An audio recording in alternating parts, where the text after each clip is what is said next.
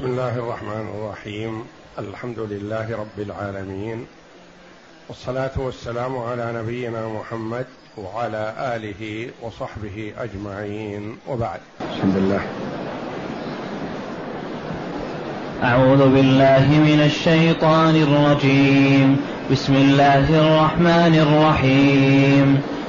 وقولهم إنا قتلنا المسيح عيسى ابن مريم رسول الله وما قتلوه وما صلبوه ولكن شبه لهم وإن الذين اختلفوا فيه لفي شك منه ما لهم به من علم إلا اتباع الظن وما قتلوه يقينا بل رفعه الله إليه وكان الله عزيزا حكيما حسبك.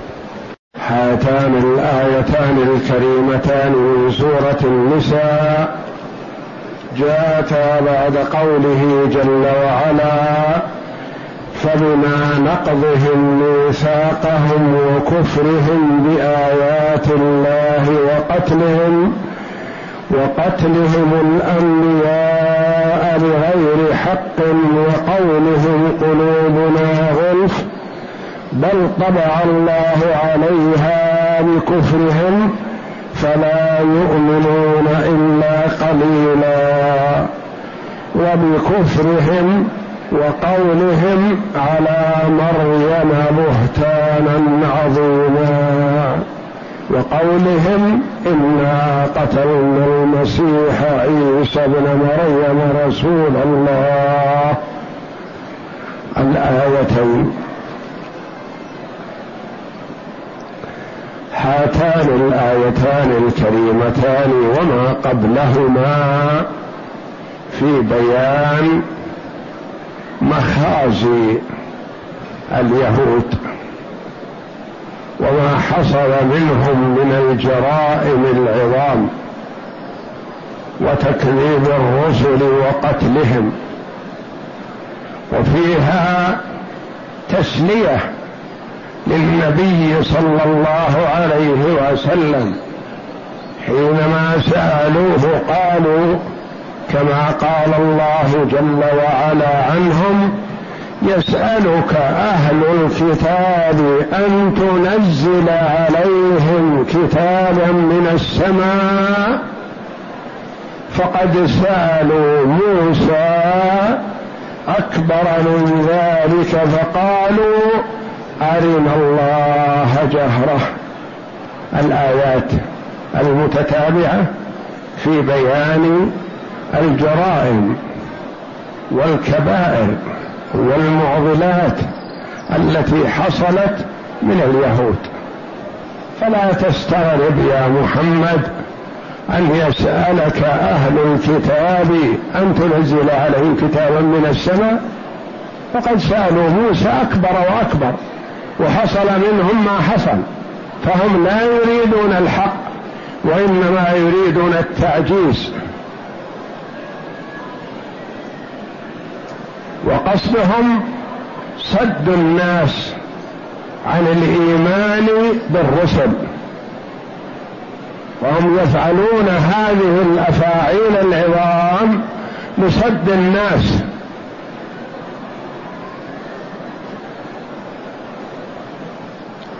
فقد سألوا موسى أكبر من ذلك. فقالوا أرنا الله جهرة. فأخذتهم الصاعقة بظلمهم ومع هذا ما ارتدعوا. ثم اتخذوا العجل. عبدوه على أنه إلههم. تعالى الله. من بعد ما جاءتهم البينات بعد العلم والبصيرة.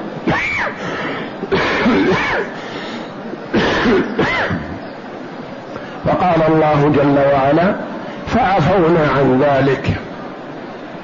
وآتينا موسى سلطانا مبينا حجة واضحة بينة لكن ما استبعوه وما صدقوه. ورفعنا فوقهم الطور لما قيل لهم خذوا التوراة أبوا. وامتنعوا أن يأخذوا بكتاب الله جل وعلا. فألح عليهم موسى عليه السلام فأبوا. فرفع الله جل وعلا الطور فوق رؤوسهم. الجبل العظيم. تأخذون بالتوراة وإلا يطبق عليكم الجبل. فقالوا آمنا آمنا. إيمانا اضطراريا.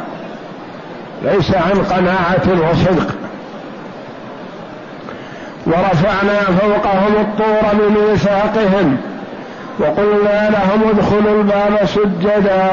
فما دخلوا سجدا؟ دخلوا يزحفون على أستاههم. وقلنا لهم لا تعدوا في السبت فعدوا فيه وصادوا السمك في السبت وسحبوها يوم الجمعة. فلما نقضهم ميثاقهم وكفرهم بآيات الله. نقضوا المواثيق التي امرمت بينهم وبين الأنبياء. وأخذ الله جل وعلا عليهم أنهم لا يجحدون صفة محمد صلى الله عليه وسلم إذا بعث وهم أحياء. وقتلهم الأنبياء. إقدامهم على قتل الأنبياء ما اكتفوا بأن ردوا دعوة الأنبياء بل قتلوهم وقتلوا عددا من الأنبياء. وقتلهم الأنبياء بغير حق وقولهم قلوبنا غلف يقولون قلوبنا مغطاة. ما تسمع ما تقول أو يقولون قلوبنا غلف للعلم. مليئة بالعلم ما في حاجة إلى العلم الذي عندك يا محمد. وقلوبنا مليئة بالعلم. ما تحتاج إلى زيادة. بل طبع الله عليها بكفرهم فلا يؤمنون إلا قليلا. وبكفرهم بالله وبرسله. وقولهم على مريم بهتانا عظيما. مريم. الصديقة مريم الحصان الرزان التي تفرغت لعبادة الله جل وعلا. وأجرى الله جل وعلا على يديها عددا من المعجزات. وأكرمها الله جل وعلا بكرامات.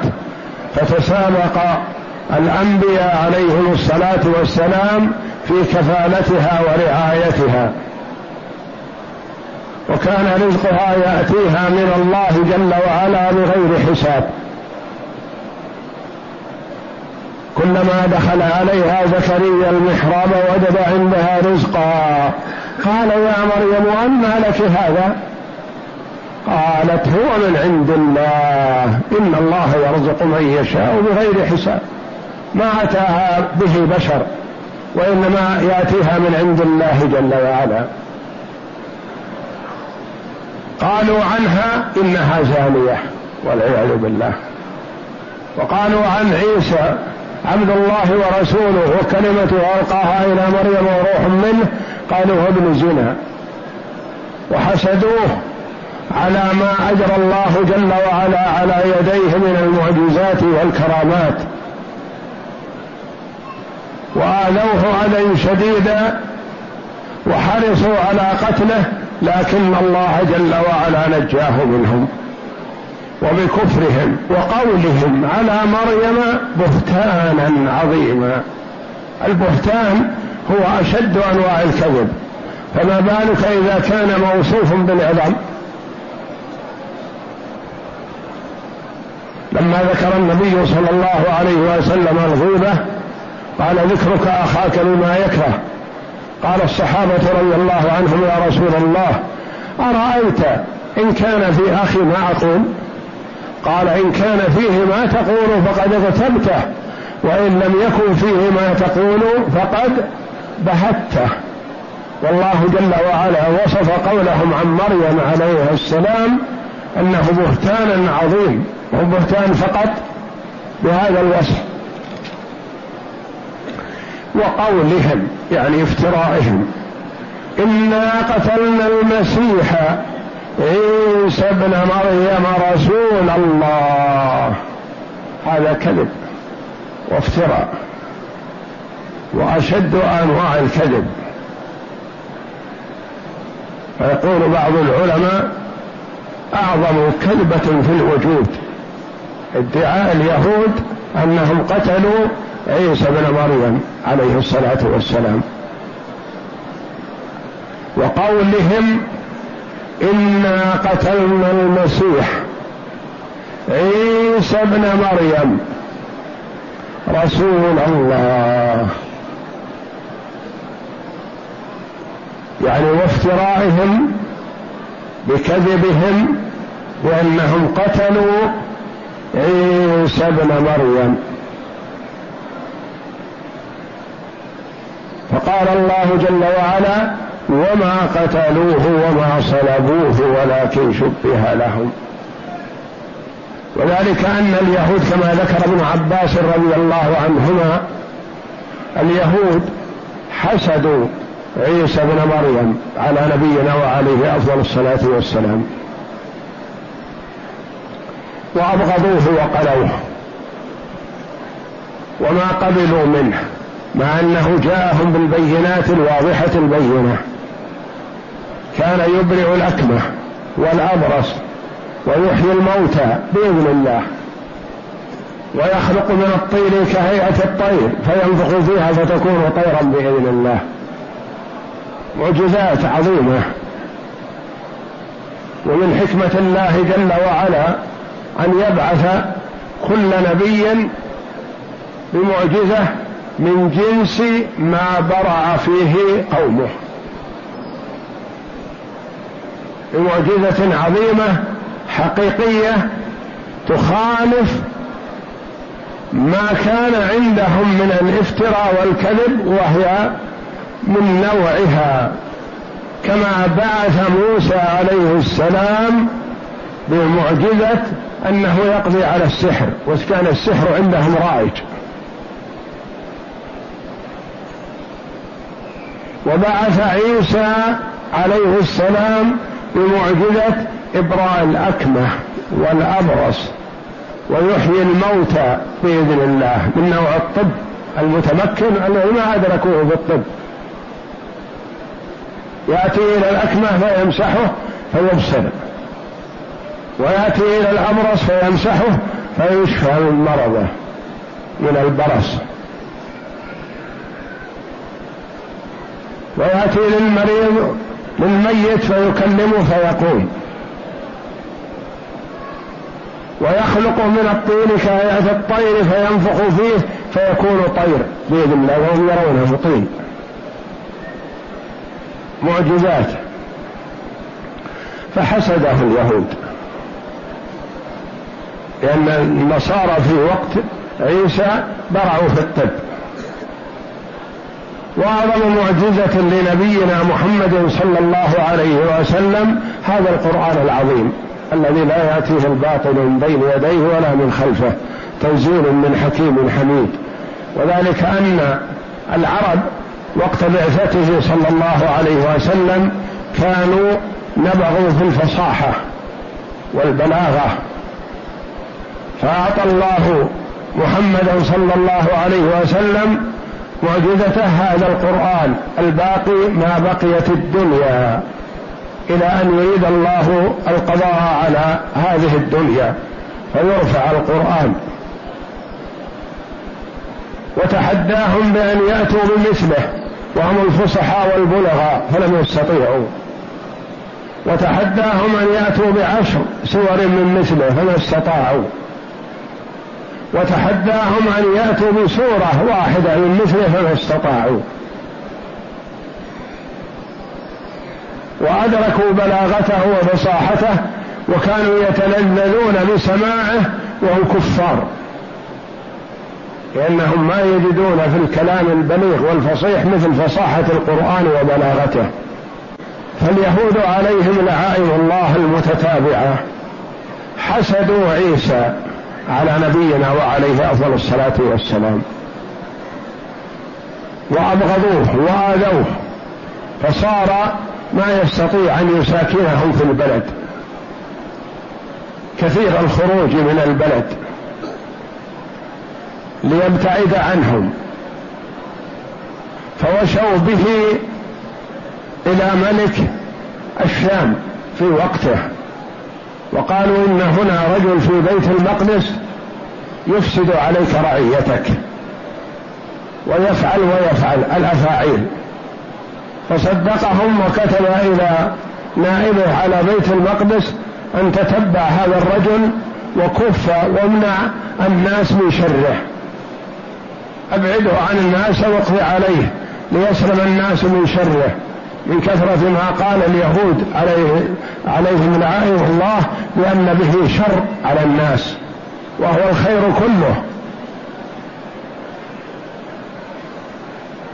فجاء نائب الملك في بيت المقدس وأخذ معه مجموعة من اليهود ليدلوه عليه.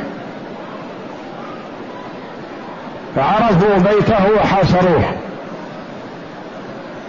وعنده مجموعة من الحواريين ممن معه ممن آمن به. فحاصروه في بيته. والله جل وعلا وعده بأنه منجيه. ثم إنهم دخلوا عليه. فيروى أن الرجل الذي كان معهم جاء يدلهم عليه ألقى الله جل وعلا عليه شبه عيسى فأخذوه على أنه هو عيسى. وقتلوه وصلبوه ويروى أن عيسى عليه السلام قال لمن معه من الحواريين أيكم يلقى عليه شبهي ويقتل ويكون رفيقي في الجنة معي في منزلتي. فقام شاب فقال أنا فقال غيرك.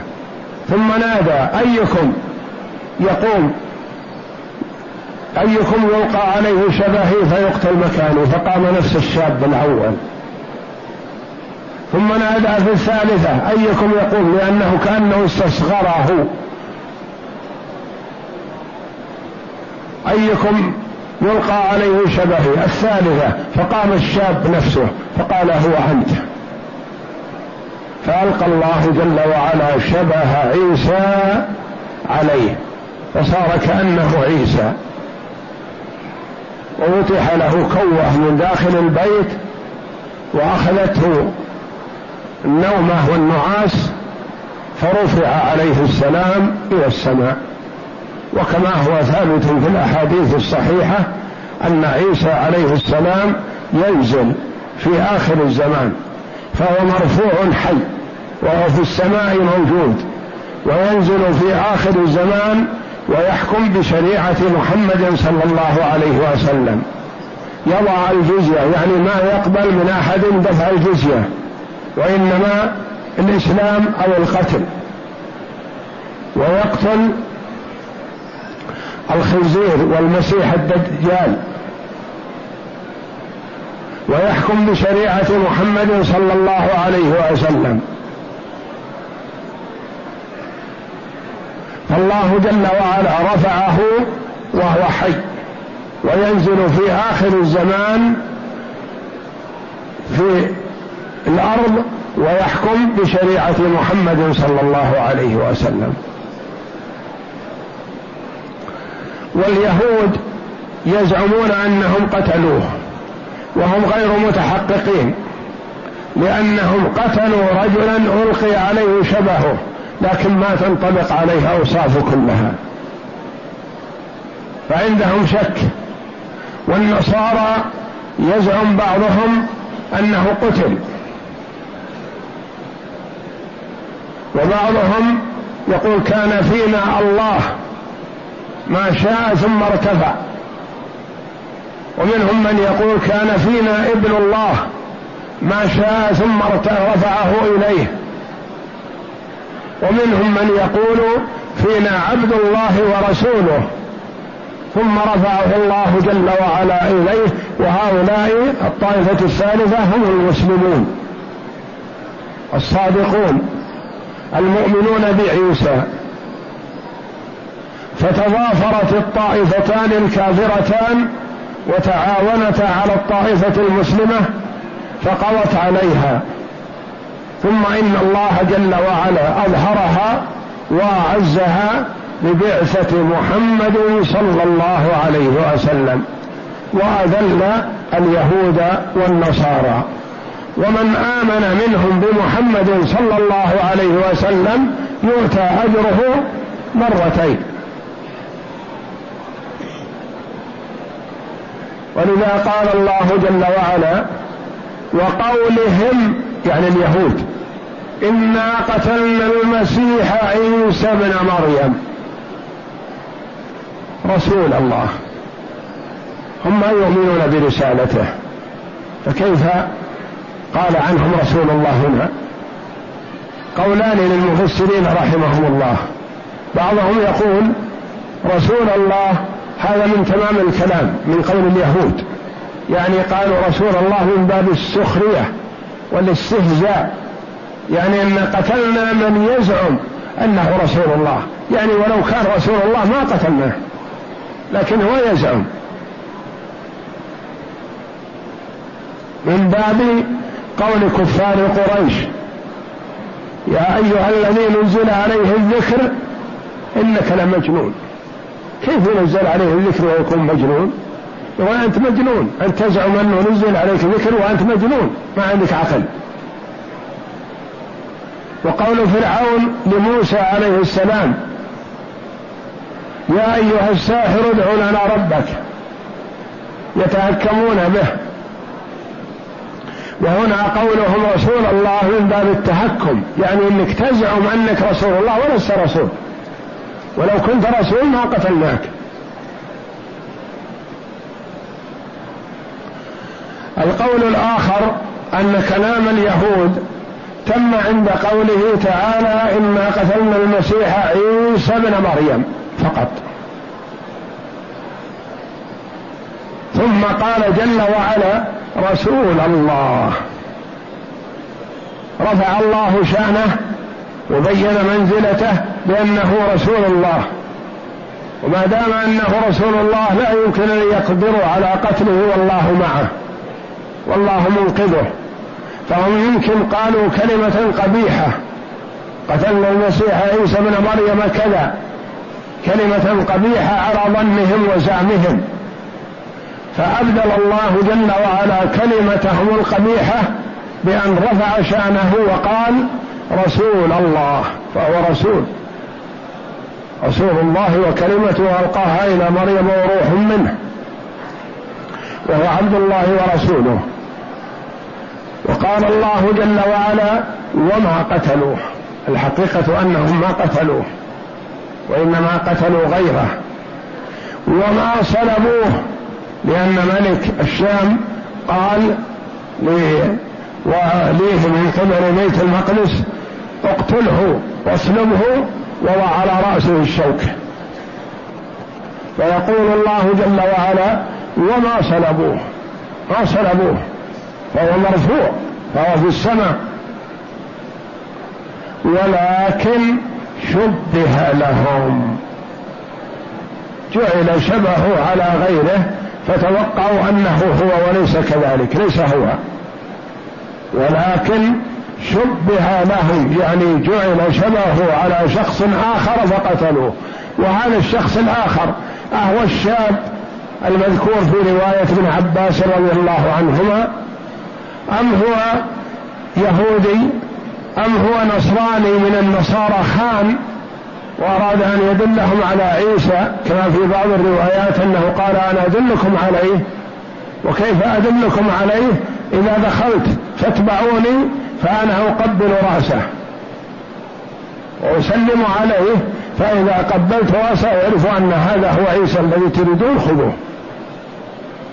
فهو من النصارى وممن يعرفه لكنه خان وتمالى مع اليهود. ولكن شبه لهم وإن الذين اختلفوا فيه اختلف فيه الطوائف. منهم من يقول قتلناه ومنهم من يقول ما قتلناه ومنهم من يقول هو ابن الله رفعه الله ومنهم من يقول هو الله وارتفع ومنهم من يقول هو عبد الله ورسوله وهؤلاء على الحق. وإن الذين اختلفوا فيه لفي شك منه يعني ما عندهم يقين. كل أمورهم مبنية على الشك والتخمين حتى من يزعم من اليهود أنهم قتلوه ما عندهم يقين. ولا يجزمون بأنه هو عيسى الذي قتلوا بل هم في ريب وشك. وإن الذين اختلفوا فيه لفي شك منه. ما لهم به من علم ما عندهم علم. إلا اتباع الظن مجرد ظن. وكما قال الله جل وعلا وإن الظن لا يغني من الحق شيئا ما ينفع. ثم أكد ذلك جل وعلا بقوله وما قتلوه يقينا. يقينا ما قتلوه بل هو رفع.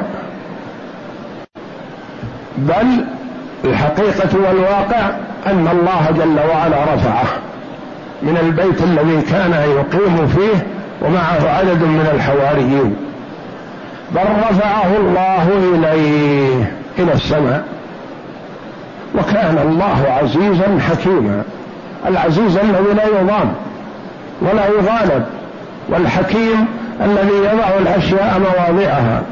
فهم ما يمكن أن يصلوا إلى ما يريد الله جل وعلا وصولهم إليه. الشيء الذي لا يريد الله وصولهم إليه ما يستطيعون أن يصلوا إليه لأنه ما يمكن أن يغالبوا الله. فالله عزيز لا يغالب. ما أراده جل وعلا كائن لا محالة ولا أحد يجير منه ولا أحد يمنعه جل وعلا مما أراد سبحانه. وختم هذه الآيات بهذين الوصفين الكريمين لله جل وعلا مناسب جدا. وكان الله عزيز قوي ما يمكن أن يغالبه أحد ولا يغلبه اليهود لا بحيلة ولا بغيرها. وكان الله عزيزا حكيما والغالب في العزيز القوة لكن قد يكون تصرفه حكيم وقد يكون أهوج.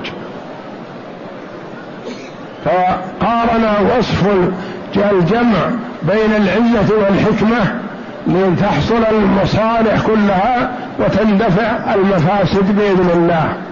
كان الله قوي عزيز حكيما يضع الأشياء مواضعها لأن بعض من يغلب عليه العزة يكون تصرفاته اوجع ما أحد يقف في وجهه لكن تصرفه اعوج فالله جل وعلا عزيز وحكيم يضع الأشياء مواضعها سبحانه.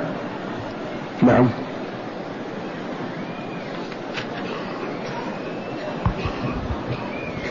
يقول تعالى وقولهم إنا قتلنا المسيح عيسى ابن مريم رسول الله. أي هذا الذي يدعي لنفسه هذا المنصب قتلناه وهذا منهم من باب التهكم والاستهزاء كقول المشركين يا أيها الذي نزل عليه الذكر إنك لمجنون. وكان من خبر اليهود عليهم لعائن الله وسخطوا وغضبه أنه لما بعث الله عيسى ابن مريم بالبينات والهدى حسدوه على ما أتاه الله تعالى من النبوة والمعجزات التي كان يبرئ بها الأكمه والأبرص ويحيي الموتى بإذن الله ويصور من الطير طائرا ثم ينفخ فيه فيكون طائرا يشاهد طيرانه بإذن الله عز وجل.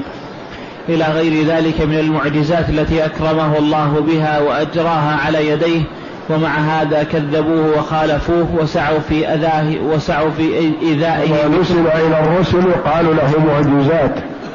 وما نسل إلى أولياء الله يقال له كرامات لأن الله جل وعلا يكرم من شاء من عباده بما لم يجري على يد البشر مثل وجود الطعام والشراب عند مريم بدون أن يحضره بشر هذا يسمى كرامة. ومثل ما اجرى الله جل وعلا على يد محمد صلى الله عليه وسلم أو يد عيسى عليه السلام فيقال معجزة. فرق بين المعجزة والكرامة. نعم. بل سعوا في إيذائه بكل ما أمكنهم حتى جعل نبي الله عيسى عليه السلام لا يساكنهم في بلدة بل يكثر السياحة هو وأمه عليهما الصلاة والسلام. ثم لم يقنعهم ذلك حتى سعوا إلى ملك دمشق. ومن معاني المسيح ما ورد أنه كثرة الأسفار يعني أنه يمسح الأرض يسافر ما يستقر. نعم. حتى سعوا إلى ملك دمشق في ذلك الزمان وكان رجلا مشركا من عبدة الكواكب وكان يقال لأهل ملته اليونان وأنهوا عليه إلى وأنهوا إليه إلى أنه في بيت المقدس أنهم غير قادرين عليه بأنفسهم فوشوا به إلى ملك دمشق ملك الشام. وملك دمشق هو المسيطر على المنطقة ككل فبعث إلى والي في بيت المقدس. نعم. إلى أنه في بيت المقدس رجلا يفتن الناس ويضلهم ويفسد على الملك رعاياه. قالوا هذا يفسد الرعية عليك إن تركته. فغضب الملك ومن هذا فغضب الملك من هذا وكتب إلى نائبه بالمقدس أن يحتاط على هذا المذكور وأن يصلبه ويضع الشوك على رأسه ويكف, ويكف أذاه عن الناس. فلما وصل الكتاب امتثل والي بيت المقدس وذلك بصلبه ووضع الشوك على رأسه وذلك وذهب هو طائفة من اليهود إلى المنزل الذي فيها فيه عيسى عليه السلام وهو في جماعة من أصحابه اثني عشر أو ثلاثة عشر وقيل سبعة عشر وكان ذلك يوم الجمعة بعد العصر ليلة السبت. فحصروه هنالك فلما أحس بهم وأنه لا محالة من دخولهم عليه أو خروجه إليهم قال لأصحابه أيكم يلقى عليه شبهي وهو رفيقي في الجنة؟ فانتدب, فانتدب لذلك شاب هو فكأنه استصغره عن ذلك فأعادها ثانية, ثانية وثالثة وكل ذلك لا ينتدب إلا ذلك الشاب. فقال أنت هو وألقي وألقى الله عليه شبه عيسى حتى كأنه هو وفتحت روزنة من سقف البيت وأخذت عيسى عليه السلام سنة من النوم فرفع, فرفع إلى السماء وهو كذلك. كما قال تعالى إذ قال الله يا عيسى إني متوفيك ورافعك إلي الآية. فلما رفع فلما رفع خرج أولئك النفر. فلما رأى أولئك ذلك الشاب ظنوا أنه عيسى فأخذوه في الليل وصلبوه ووضعوا الشوك على رأسه. وأظهر اليهود أنهم سعوا في صلبه وتبجحوا بذلك. وسلم لهم طائفة يعني تبجحوا بأنهم أدركوا مقصودهم. وأنهم ظفروا بعيسى وقتلوه. والحقيقة أنهم ما قتلوه وما ظفروا بمقصودهم والحمد لله. نعم. وسلم لهم طائفة من النصارى ذلك لجهلهم وقلة عقلهم ما عدا من كان في البيت مع المسيح فإنهم شاهدوا رفعه.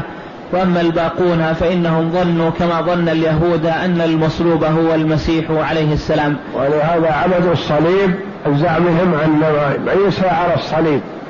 وأنهم يعبدون عيسى. نعم. حتى ذكروا أن مريم جلست تحت ذلك المصلوب وبكت ويقال أنه خاطبها والله أعلم وهذا كله من امتحان الله لعباده لما له في ذلك من الحكمة البالغة.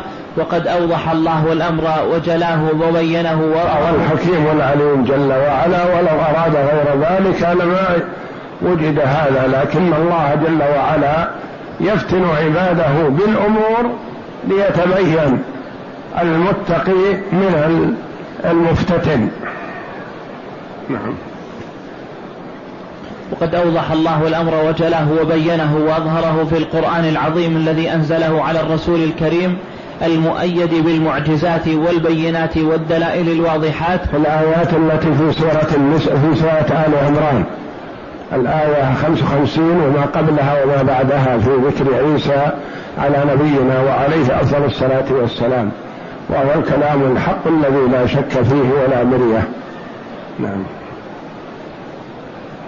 فقال تعالى وهو أصدق القائلين وما قتلوه وما صلبوه ولكن شبه لهم أي رأوا شبهه, شبهه فظنوه إياه.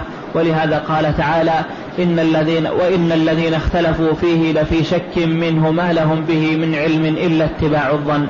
يعني بذلك من ادعى أنه قتله من اليهود ومن سلمه إليهم من جهال النصارى كلهم في شك كلهم في شك من ذلك وحيرة وضلال. ولهذا قال تعالى وما قتلوه يقينا. أي وما قتلوه متيقنين أنه هو بل شاكين متوهمين. قال تعالى بل رفعه الله إليه وكان الله عزيزا أي مانع منيع الجناب لا يرام جنابه ولا يضام ولا يضام من لاذ ببابه. حكيما أي في جميع ما يقدره ويقضيه من الأمور التي يخلقها وله الحكمة البالغة والحجة الدامغة. والله أعلم وصلى الله وسلم وبارك على عبد ورسول نبينا محمد وعلى آله وصحبه أجمعين.